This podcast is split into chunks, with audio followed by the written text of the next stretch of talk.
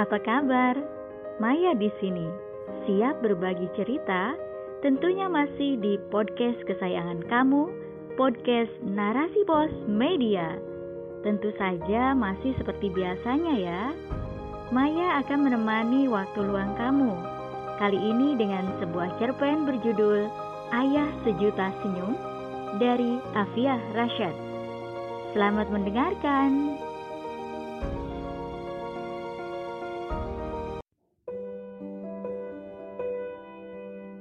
Tidak usah mengaturku. Aku punya jalan hidup sendiri. Aku tidak mau seperti ayah, radikal. Suara Freddy meninggi saat sang ayah bertanya ihwal teman kencannya. Freddy merasa ayahnya ingin ikut campur dalam ranah pribadinya. Dia semakin kesal tatkala melihat seukir senyum tersungging di bibir lelaki di hadapannya. Senyum itu terasa sangat mengacaukan jiwa. Antara kebencian dan kerinduan berkecamuk dalam benak pemuda itu. Kepulangan Freddy ke Indonesia atas titah sang mama. Jalan hidup mereka berseberangan dengan sang ayah. Itulah yang membuat dia hidup terpisah dengan ayahnya. Sejak perceraian ayah dan mama, kekacauan demi kekacauan menyapa Freddy tanpa henti bagaimana dia harus menumpahkan air mata saat sang mama bersikeras mengajukan surat cerai. Ah, momen itu terasa begitu menyakitkan. Memori Freddy menelusuri tiap potongan episode kesedihan dan kenestapaan hidup. Freddy menjumpai banyak kepahitan sejak terbang ke Belanda bersama mamanya. Di sana, sang mama justru terjerumus dalam liarnya arus kehidupan bebas. Setiap malam, pengaruh alkohol menemani wanita itu. Jiwanya terguncang atas masalah yang berdatangan. Freddy pun tumbuh dalam sengitnya perang batin yang menimpa. Lambat laun, setelah seratus purnama berlalu, dia terbiasa dengan kehidupan sang mama. Alkohol seakan menjadi kebutuhan Pesta dan klub malam menjadi tongkrongan yang nyaman. Freddy remaja tumbuh dalam arogansi gaya hidup bebas tanpa batas di Belanda. Hidup dalam asuhan sang mama. Setiap bulan, Freddy menerima surat dari ayahnya. Namun, surat itu hanya sekilas saja hinggap di tangannya. Selebihnya, dia masukkan ke dalam kotak ukir kesayangan. Dia malas membaca surat sang ayah Baginya, ayahnya adalah penghancur masa depan. Hidupnya kacau berantakan karena lelaki itu menjadi orang yang fanatik dan radikal. Stigma tentang ayahnya terhujam dalam jiwa. Itulah yang diberitakan media, bahkan sempat menjadi headline berita. Perubahan sang ayah tak direstui sang mama.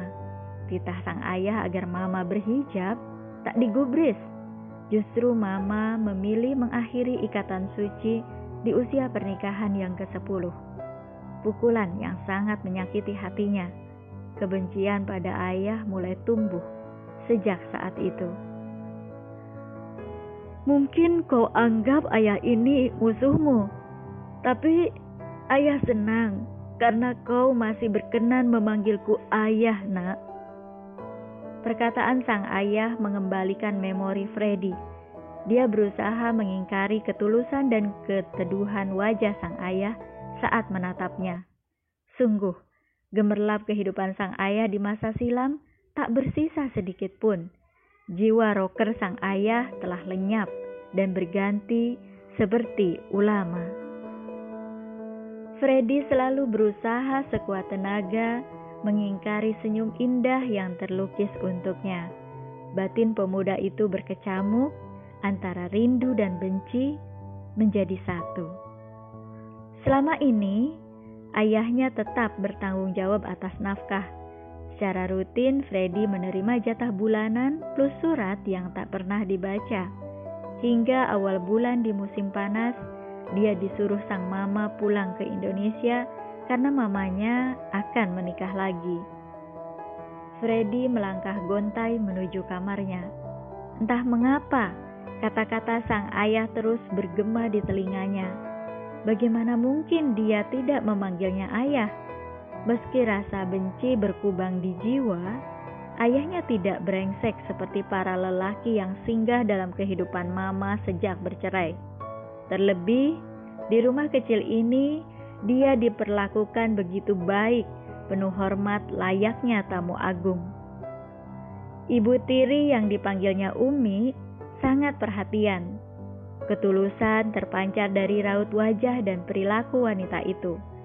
Segala kebutuhan makan dipenuhi, bahkan pakaiannya pun dicucikan. Dia merasa seperti anak kecil lagi. Semua serba dilayani. Perlakuan ayah padanya juga sangat baik, terlewat baik malah. Meski Freddy sering ketus pada ayah, karena merasa diinterogasi, lelaki itu hanya tersenyum. Ah, potongan peristiwa berkelindan mengguncang nalurinya. Guncangan itu terasa hebat. Suara kenari dan ayam jago ayah begitu ramai. Freddy mengerjapkan mata sembari mengambil jam weker. Hmm, masih jam 3 dini hari waktu Indonesia bagian barat. Entah ada dorongan apa, Rasa kantuk hilang seketika. Lamat-lamat, dia mendengar suara yang sering dia dengar dulu waktu kecil dari guru ngajinya. Suara ayah yang terbata-bata berdansa dengan serak tatkala merapalkan doa-doa. Hamba datang dalam keadaan hina ya.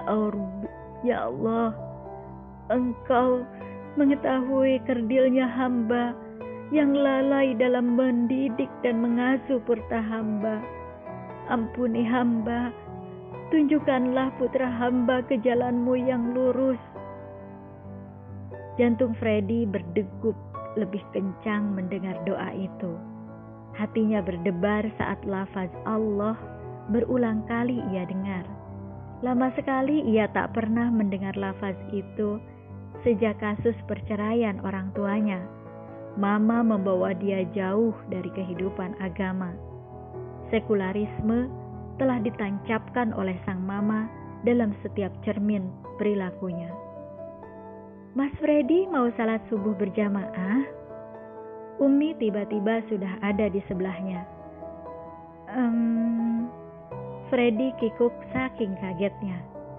Biar disiapkan keperluannya sama di Farhan ya mas. Umi tersenyum lantas meminta Farhan menyiapkan alat sholat untuk Freddy. Dalam sejarah hidupnya, dia merasakan ketenangan tiada terkira dalam sujudnya kali itu. Meski ia tak hafal lafaz apa yang harus diucapkan, tetapi rasa cemas dan kegelisahan lenyap entah ke mana. Desir angin subuh membawa kesejukan bagi jiwanya yang kerontang. Lantunan ayat suci Al-Quran yang dibaca Farhan, Umi, dan Ayah membuat air mata pemuda itu berlinang. Aliran itu kian deras mengundang suara sesenggukan. Nak, kenapa kau menangis? Adakah sikap kami yang membuatmu terluka? Ayah bertanya dengan suara bergetar dan serak. Freddy hanya menatap ayah tampak lautan kedamaian dalam tatapan jernih sang ayah. Di selaminya manik biru milik sang ayah, tak ditemukan di dalamnya kebencian. Aku bingung ayah, aku membenci ayah sejak perceraian itu. Tetapi hatiku menolak untuk membenci ayah. Justru setelah aku dekat dengan ayah, ketenangan yang kudapat. Ayah Umi dan Farhan selalu memperlakukanku dengan baik meski aku jahat. Ferdi terisak. Tenanglah nak. Ayah memeluk Freddy sembari tersenyum. Ada hawa hangat yang menjalar ke seluruh aliran darahnya. Freddy merasa dipenuhi kebahagiaan. Pelukan dari ayah dan sejuta senyumnya mengantarkan energi positif kepadanya. Kenapa ayah menerimaku, sementara aku tak pernah membalas surat ayah? Tanya Freddy dengan penuh penyesalan.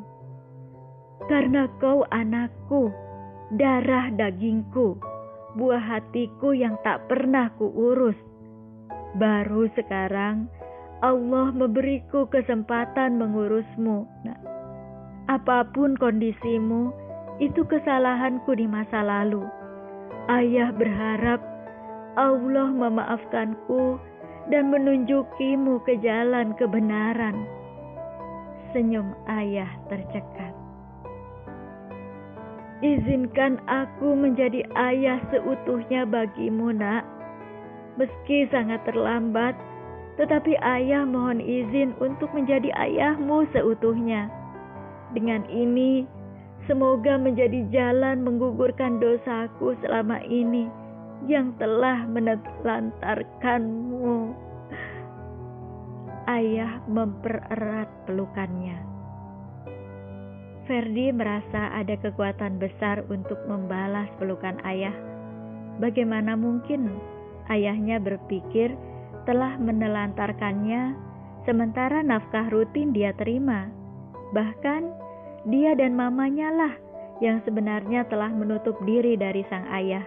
Lenyap sudah bingkai radikal yang tersemat pada sosok ayah. Justru dia mendapatkan sosok ayah sejuta senyum yang tak pernah menampakkan amarah meski dia berulah. Dalam pelukan ayah, Freddy berjanji akan menjadi anak ayah yang baik. Harta yang kukirimkan padamu tiap bulan itu hanya sebagian syariat Allah yang kujalankan. Bagaimanapun, Kau darah dagingku, nak. Aku punya kewajiban bertanggung jawab atas tumbuh kembangmu. Hal itu yang aku telantarkan hingga kini kau menjadi seorang pemuda, nak. Maafkan ayahmu yang lalai ini ya. Perkataan Allah ayah menjadi petuah yang tak ternilai harganya. Rasa sayang terus tumbuh dan bermekaran di hatinya. Dia pun meminta maaf pada sang ayah dan memilih jalan dakwah seperti lelaki di hadapannya. Ayahnya adalah ayah sejuta senyum.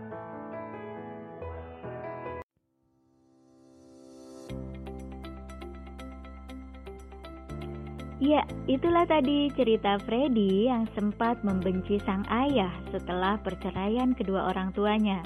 Namun akhirnya Freddy berbaikan dengan ayahnya dan memilih jalan dakwah seperti ayahnya. Terima kasih untuk Afiah Rasad yang telah mau berbagi cerita. Nah, buat kamu yang juga ingin berbagi cerita, Maya tunggu naskah kamu di narasipos.com. Terima kasih dan sampai jumpa di podcast selanjutnya.